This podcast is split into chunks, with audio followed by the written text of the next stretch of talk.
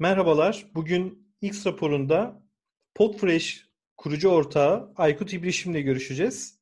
Kendisi e, bizi kırmayıp programımıza davet e, programımıza e, geldi. Hoş geldin Aykut. Nasılsın? Hoş bulduk Şafak. Çok teşekkür ederim. Sen nasılsın? Teşekkür ederim davet ettiğin için. E, Valla değerli zamanı buraya harcadın. Bir de özellikle Amerika Birleşik Devletleri ile Türkiye arasındaki saat farkından dolayı e, buluşmak aslında zor oluyor. Sabahın köründe uyandırdım seni ve oturduk şu anda yayın yapıyoruz. E, öncelikle Harika. Sana, öncelikle sana e, sormak istediğim direkt konuya girmek istiyorum. E, Podfresh'i neden kurdunuz?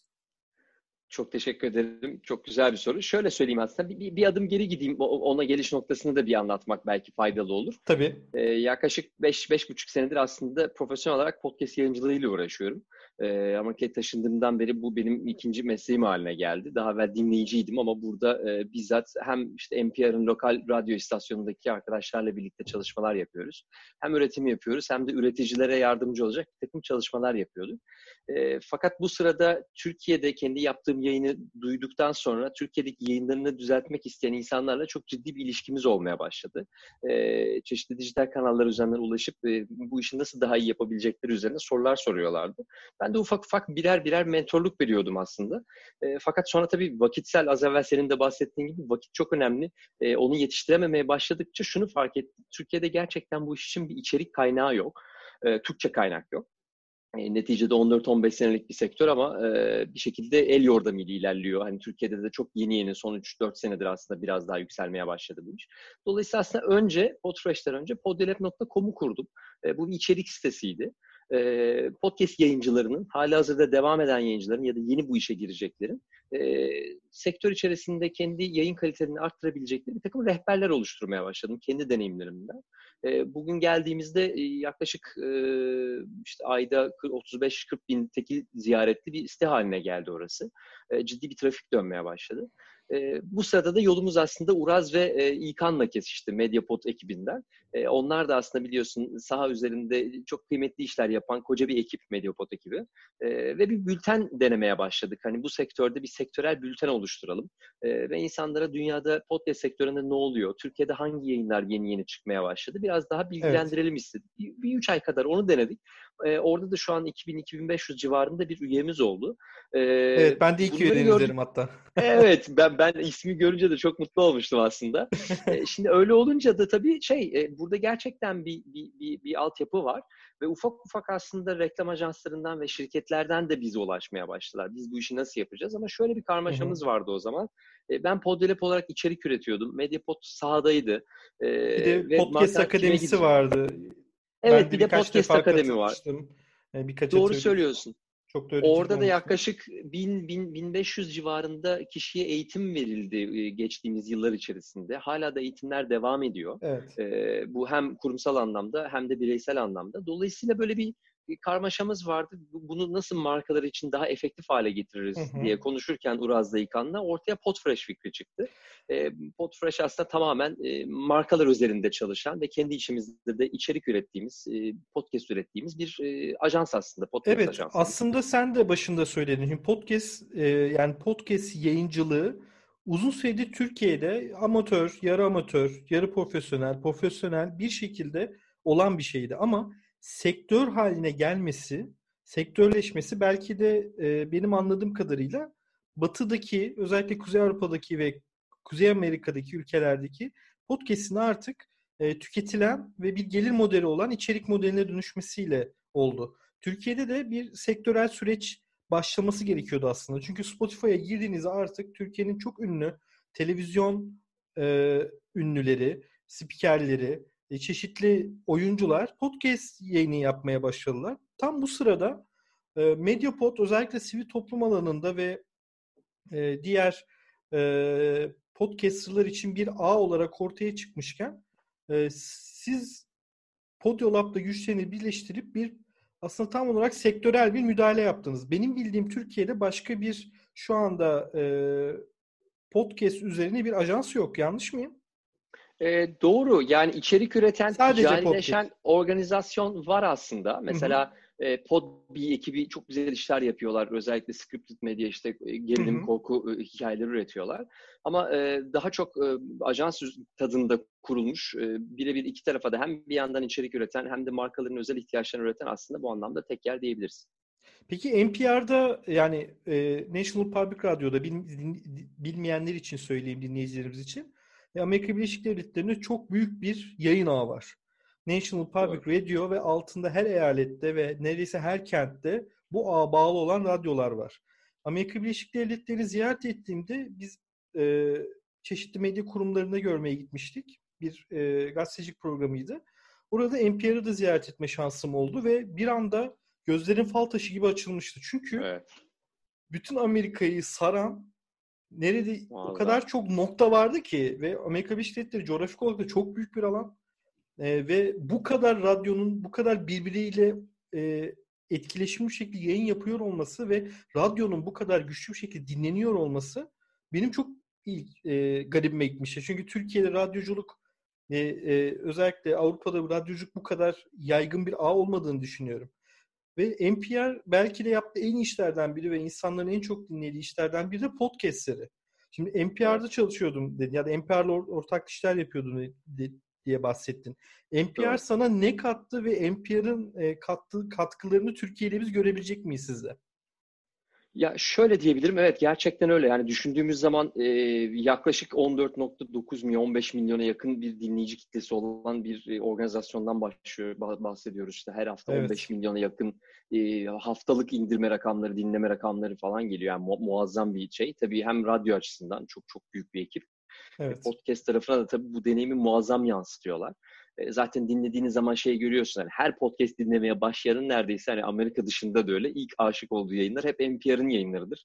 Muazzam ses kalitesi. Yani bizim aslında şey gibi hani ben hep aynı şeyi düşünüyorum. Türkiye'den gelince Türkiye'nin TRT e, Radyo'nun muazzam yayınları yani çocuk evet. onunla büyüdük. İstanbul Radyosu'nun, Ankara Radyosu'nun. Evet, evet yani tam tam o keyifte bir radyo aslında. Tabii muazzam bütçelerle işler yapıyorlar. Hani evet. normal bir bağımsız podcast yayısının bunu yapması çok mümkün değil. Ben çıplak gözle yani. 300 kişinin aynı anda çalıştığını gördüm ki sadece muazzam değil mi? Yani düşünebiliyor musunuz bir radyo ağı 300 kişi çalıştırıyor. İnanılmaz. Yani inanılmaz bir şey. Yani ve bunu Aynen sadece tek bir merkezinden bahsediyoruz. Birçok merkez. Evet. Yani ve ve alt radyoları her var. şehrinde. Tabii. Evet ya şey tabii bayağı şey böyle franchise gibi aslında gidip işte kendiniz de bir radyo kuruyorsunuz. Bir anda NPR'le ortaklık yapıyorsunuz ve yayının belli bir kısmını e, ona dedike edip e, NPR, evet. ulusal NPR'ın yayınlarını yayınlayabiliyorsunuz falan. Ben de şöyle başlamıştım aslında. E, hani orada çalışan olarak değil ama podcast işine girince bu işi kim yapıyor? NPR yapıyor. Benim oradan evet. birilerini tanımam lazım ve bu işi öğrenmem lazım. Hani e, işte 35-40 yaşından sonra şey oldu be, benim çırak olmam lazım. Başka türlü öğrenemeyeceğim bu işi diye. E, ve oradan insanlarla tanışmaya başladık. E, onların deneyimlerini nasıl alabilirim diye. E, o da tabii muazzam bir kapı açtı. Yani hem ses editinden tutun da evet. benim asıl merak ettiğim şey aslında hikayenin nasıl yazıldığıydı. Yani evet. editi çok iyi yapan insanlar var ama o hikayecilik bambaşka bir şey. Onu görmek istiyordum. Tabii o benim için muazzam bir kapı oldu. Yani insanlarla konuşmaya başladıkça, onların yayınları üzerinde ufak ufak yan yana gelip çalıştıkça ya da işte benim yaptığım şeyleri onlara gönderip hadi bakalım bunu nasıl yapabiliriz, nasıl daha iyileştirebiliriz dedikçe tabii o benim için muazzam bir deneyim oldu. E, derdim de aslında işte Podyalab'ı kurarken de biraz oydu. NPR'ın sitesinde sen de görmüşsündür aslında kendi işlerinde böyle bir bölüm var. E, kendi teknik bilgilerini aktardıkları. Evet. NPR yayıncılarının bizzat işte mikrofonları test ettiği ya da hikayeciliğin nasıl olduğu anlattığı bir Hatta nasıl var. podcast yaptığına dair bir podcast serisi de var. Yani teknik Kesinlikle. Hı hı. Evet, evet muazzam. Yani hani burada tabii şey çok iyi dönüyor. Ee, bir, bir üretim varsa o üretimin nasıl yapıldığına dair de muazzam Ama içerik tabii, orada ki. 60-70 yıllık hatta daha fazla bir radyo geleneği var ve bunun üzerine evet. E, podcast'i oturmuş durumda. Sonuçta hani podcast deyince aklımıza ilk Apple Podcast gelirdi eskiden. Bütün veri tabanı neredeyse oradaydı. Bu Spotify Doğru. bu kadar e, ünlenmeden önce. E, orada da yıllardır birileri podcast yapıyordu. Yani e, in, aslında süreç çok güzel oturmuş ve en iyi radyoculardan, evet. en iyi gazetecilerden, e, teknik anlamda da en iyi ses tasarımcıları ve ses mühendisleriyle beraber önümüze gerçekten derli toplu bir yayın çıkıyordu. Oranın BBC'si gibi NPR. Hatta BBC'den de evet. daha iyi belki birçok anlamda. Çünkü yani... halk desteği, bizzat halk desteği var. Sadece evet. devlet desteği yok. Evet. Yani bu buradaki tecrübelerin peki mesela Podfresh Co olarak bu süreçte e, senin bu kazandıkların ve Türkiye adapta, adaptasyonda zorluk çekeceğini düşündüğün şeyler var mı şu anda kafanda olan? Ve hani Türkiye'de ciddi anlamda e, podcast e, habercilik habercilik üzerine podcast yapan birçok değerli gazeteci ve arkadaşımız var ki sizin bünyenizde de var zaten. Ama bu gerçekten uluslararası bir kaliteye genel anlamda herkesin yapabildiği kaliteye kısa zamanda ulaşılabilir mi? Biraz geniş oldu ama senin fikirlerin çok ee, var bu konuda. O yüzden çok merak ediyorum. Evet yani ne kadar kısa zaman yani rekabet edecek seviyeye ne kadar geliriz tabii sonuçta 15 sene önceden başlamış bir, bir, bir ülkeyle rekabet etmek tabii çok kolay değil. Bir de üstelik ekipman anlamında aynı kaliteye gelebilmek de çok kolay olmuyor Türkiye'de döviz nedeniyle. Ama şöyle bir gücümüz var bizim. Yani Türkiye'de az evvel senin dediğin gibi yani çok çok çok iyi e, gazeteciler ve yayıncılar var. E, ve arkadan gelen bağımsız yayıncılar da bu konuda kendilerini çok hızlı geliştiriyorlar. Fakat bir eksiğimiz şu bizim bence. E, tabii NPR'ın avantajı bu insanların her birinin gazeteci olması, hikaye anlatımında doğru soruyu sormakta ve o yayını evet. programlamakta, akışı ayarlamakta tabii muazzam bir katkı sağlıyor. Şimdi bizde baktığımız zaman e, yayıncıların birçoğu aslında hala daha karşılıklı sohbet ediyor. Henüz daha formatlar bunun ötesine yeni yeni çıkıyor. Ufak ufak biraz daha işte daha yazılı içerikler çıkmaya başladı. İşte daha farklı alanlar biraz daha kategorisel anlamda öne çıkmaya başladı ama hala daha e, o metnin hazırlanması ve içeriğin hazırlanması konusu biraz sıkıntılı bizde. Bunun üzerine belki biraz daha çalışmak lazım. Bu bizim dezavantajımız. Ama ben şuna inanıyorum. Ee, özellikle tabii dünyadaki son gelişmeye baktığımızda artık büyük medya kuruluşlarının eskisi gibi çalışamadığını, yok olduğunu, küçüldüğünü gördükçe, bu sadece Türkiye özel bir şey değil, e, sen daha iyi biliyorsun bu işin içinde olan biri olarak, e, bağımsız gazetecilerin de ya da haber üreticilerinde ya da bir şekilde içerik üreten insanların da e, ufak ufak kendi bağımsız yayınlarını oluşturması çok daha önemli hale geldi. Bu, bu kalanları doğru kullanabilmek için de çok hızlı bir şekilde tabii kendilerini geliştirmeleri lazım.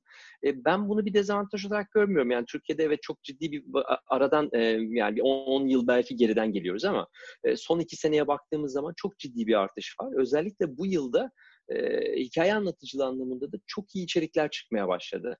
Eminim ki önümüzdeki bir sene içerisinde bu da katlanarak artacaktır. Bir dezavantajımız tabii dediğim gibi burada ekipman ciddi anlamda bir sorun. Evet. Neticede e, bu yayınlara ulaşabilmek her ne kadar bariyer düşük diyor olsak da profesyonel iş yapmak için tabii ki daha iyi ekipman ihtiyaçları var. Daha iyi bir donanım, daha iyi yazılım ihtiyacı var. Yani bunu evet. ben de mesela şu anda çok minimum asgari düzeyde ekipmanla e, ve e, şu anki kullandığım e, bilgisayarın iyi olmasıyla kurtarmış durumdayım. Ama Doğru. iyi bir bilgisayarım olmasaydı basit bir ekipmanla belki bu işi yapmak daha da zorlanabilecektim ya da e, ma- donanıma para verecektim ama elimdeki malzeme, yazılımlar ve mevcut olan bilgisayarım e, düşük seviyede olsaydı bunun prodükte evet. süreçleri falan çok zorlayacaktı ki özellikle Podiolab üzerinden ben birkaç aydır bu X Raporu Podcast'a başladığımdan beri çok fazla şey öğrenmiş oldum. Ee, sizin podfresh.co'yu oluşturmanız, Mediapod'daki e, podcast atölyesinden aldığımız eğitimler ve Podiolab'da neredeyse 5-6 yıllık içerik var. E, podcast sektörüne dair işte nasıl podcast yapılırdan tutun e, bütün donanım ve ekipmanları nasıl seçileceğine dair ya da işte belli bütçeler ve seviyelere göre podcastleri evet. nasıl oluşturulacak çok verimli içerikler var. Ben de bunlara göz atarak yavaş yavaş şu anda yayınımı iyileştirmeye çalışıyorum. Bu yüzden de e, hem dinleyicilerimiz adına hem de kendi adıma çok teşekkür ederim. Çünkü gerçekten faydalı içerikler var. Umarım da devam gelecek. Şu anda Spot Fresh ile çok haşır neşir içerisindesiniz. Çünkü onun bürokrasisi, yenilenmesi, kurulma süreci falan biliyorum. Ama e, zamanla bunun oturacağına da eminim. Hani bir podcast 101 ihtiyacını umarım karşılayacaksınız diye düşünüyorum. Son Yok, olarak kesinlikle devam eder. Çok çok kısa şey, şeyi söyleyeyim. Hani oradaki ekosistem aslında iyi oturdu. Hani Podfresh tamamen artık B2B içerikleri ve bizim sevdiğimiz, evet. keyif aldığımız içerikleri üretmeye devam edecek ama Pod, Podilab yok olmayacak. E, Podilab aslında bizim işte bültenimizle beraber podcast bülteni de ayda iki kere devam ediyor. Bülteni zaten besleyen ana kaynaklarımızdan biri orası. Dolayısıyla oraya çok kıymet veriyoruz. Hani yüz yüze olmak zorunda değiliz ama buradan her türlü aslında bilgilendirme yapabiliriz diye. E, dolayısıyla o bizim ekosistemin ana omurga kaynaklarından biri. E, o her zaman devam edecek. Harika. Son olarak e, şu anda gündemde olan bir şeyden bahsedeceğim. Aynı zamanda hem teknik hem teknolojik bir şey ama çok da elimizin altında olan bir şey. Twitter. Şimdi Twitter e, yeni bir özelliğini tanıttı geçenlerde. Şu anda sadece e, iOS cihazlarda kullanılmasına rağmen zamanla herkes açılacağını düşünüyoruz. e, bir sesli tweet atma özelliği getirdi. Şimdi e, birçok kurum, uluslararası kurum, teknoloji devleri adım adım podcast yayıncılığına ve sesli yayıncılığa yeniden bir yönelmeye e, yaşamakta. Özellikle Apple'ın adımları, Spotify'ın adımları, birçok illi ufaklı podcast yayınının e, yayın ağlarının birleşip yeni podcast ağlarının oluşturulması, işte Google'ın podcast altyapısını duyurması ve sonrasında Twitter'da da bir sesli tweet özelliği geldi. Şimdi sesli tweet üzerine şu anda 3-4 gündür denemeler, testler ve birçok tartışma dönüyor. Bunların içerisinde podcast sektörü için sesli tweet'in ne gibi e, faydaları olacağını düşünüyorsun ya da zararları olacağını düşünüyorsun? Ee, çok zararı olacağını düşünmüyorum açıkçası. Bence çok güzel bir gelişme oldu. Bu arada şeyi de çok mutlu etti beni. Yani Twitter çok uzun zamandan sonra gerçekten keyif alacağımız bir yenilik yaptı. Yani Twitter yenilik evet. yapmayı unutmuştu resmen. O yüzden çok mutlu olduğumu söyleyebilirim bu açıdan. Tabii bir ses ses alanında içerik üreten biri olarak da şundan da müthiş keyif aldım. Neticede farklı farklı platformları biz hep kullanıyoruz ama e, Twitter tabii bir, bir podcast yayıncısının en çok kullandığı kanallardan biri kendi yayınlarını duyurmak için. E, evet. E, buraya da bir takım içerikler koyarken hep üçüncü parti uygulamaları kullanıyorduk. Yani mesela işte Headliner'ı kullanıyoruz işte Spreaker, Headline. Spreaker, Spotify gibi hep böyle üçüncü parti ve kullanıcıyı hep başka yerlere yönlendiriyoruz aslında. E, bu da tabii neticede şey oluyor. E, bir takım kullanıcılarda bir rahatsızlık uyar, uyar, oluşturabiliyor ya da en azından kaybedebiliyoruz bu insanları. Hı hı. E, dolayısıyla ben şeyden çok mutlu oldum. Yani iki dakika neredeyse 20 saniyelik bir süre geldi. 140 saniyelik bir süre ayırdı şu an Twitter bu testler içerisinde. E, tabii muazzam bir platform ve muazzam bir e, hızda aksiyon alabileceğimiz bir imkan sağlıyor bir içerik üreticisi için ya da podcast üreticisi için. O yüzden ben e, burada iyi bir planlama yapılırsa, e, kendi yayınları için iyi bir pazarlama stratejisi oluşturursa bu 2 dakika 20 saniyenin muazzam şekilde kullanılabileceğini düşünüyorum. Ee, özellikle günlük içerik üreten, mikro içerik üreten yayıncılar için bu muazzam bir fırsat yeri geldiğinde kendi platformların dışında da burada ekstra bir takım içerikler üretip kendilerine çok hızlıca e, takipçi çekebileceklerini düşünüyorum. Yani negatif taraf ne olur? Bence o yayıncıdan ziyade e, platformun kendisi için bir negatif olabilir. E, işte trollerin çok ciddi problem yarattığı ve takip edilemediği bir ortamda e, sesin içerisinde ne olduğunu hiç takip edemeyecekleri için işte geçtiğimiz gün meşhur işte Vox'un e, şeyi haberci Kara Swisher'da e, aynı zamanda podcastleri evet. de var biliyorsun muazzam. O da ilk testlerini yaparken Trump'la dalga geçerek girmişti konuya. Hani sesi takip etmekte ciddi sıkıntı olacağı için burada ne denirse bunu kontrol edemeyeceğiz noktasında. E, bunu tekrar podcast'e çekersek tabii biraz daha işte özellikle Amerika tarafında daha aşırı e, sağ yayınların ne söyleyeceğini çok kimse bilemeyecek. Bu bir sıkıntı olabilir. Ama ben tekrar üretici açısından düşünüyorum. E, neticede bizim elimize çok hızlı hareket edebileceğimiz, hala daha tabii bebek adımlarıyla ilerliyor olsa da işte içerisinde bir e, görsel istediğimiz gibi koyamıyoruz. Hala Twitter'ın kendi e, ikonu çıkıyor içeride. Kendi koyduğumuz görsel neyse ilk onu göreceğiz. Yani bir markalama evet. yapamıyoruz içeride. Ama e, bu an bile kendimize 2 dakika 20 saniyelik ekstra bir alan veriliyor olması e, bence Twitter'dan çıkmadan bu işi yapabiliyor olmak bir podcast yayıncısı için muazzam fırsat. E, önceki gün gene Karasaviş'i dinlerken onlar da işte Scott Galloway ile aynı şeyi konuşuyorlardı. Hani TikTok'u kullanıyoruz, test ediyoruz şu anda ama çok heyecanlandık. Twitter'da neler yapabiliriz bakacağız diye. Aynı heyecanı ben de yaşıyorum. Hani orada şu ana kadar düşünmediğimiz bir takım e, alternatif ek kanallar kullanarak e, içerik üretebileceğiz gibi gözüküyor. O yüzden ben muazzam heyecanlıyım bu konuda. İyi bir fırsat olarak düşünüyorum. Hem Podfresh'i öğrenmiş olduk hem de aslında Podfresh'e giden süreçteki basamakları senin tanıklığınla görmüş olduk. Çok teşekkür ederim Aykut programa katıldığın için, bize zaman ayırdığın için. umarım ben... bu adımlarınız hepimiz için yani Türkiye'de hem podcast sektörü hem podcast sektörüne bağlı olarak süren gazetecilik, habercilik faaliyetlerini hem de bu alana dair kendini bir ifade biçimi olarak e, podcast e, kullanmak isteyenler için muazzam gelişmeler e, sağlayacağınızı düşünüyorum. Ben çok teşekkür ederim davet ettiğin için Şafak. Ee, X Rapor Podcast'i de çok keyifle dinliyorum. İnşallah burada çok daha güzel konularla birlikte e, sektörü daha hep birlikte geliştiriyor olacağız. E, ellerine sağlık. Çok teşekkürler Harika. davetin için. İyi günler diliyorum. Kendine çok iyi bak. Teşekkür ederim. Çok sağ ol.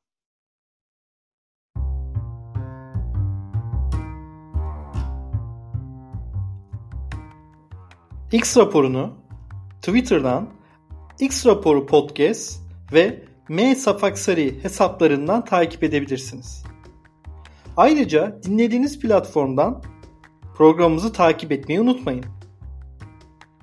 X raporunu maddi olarak desteklemek istiyorsanız da patreon.com taksim Mensafaksari üzerinden bunu gerçekleştirebilirsiniz.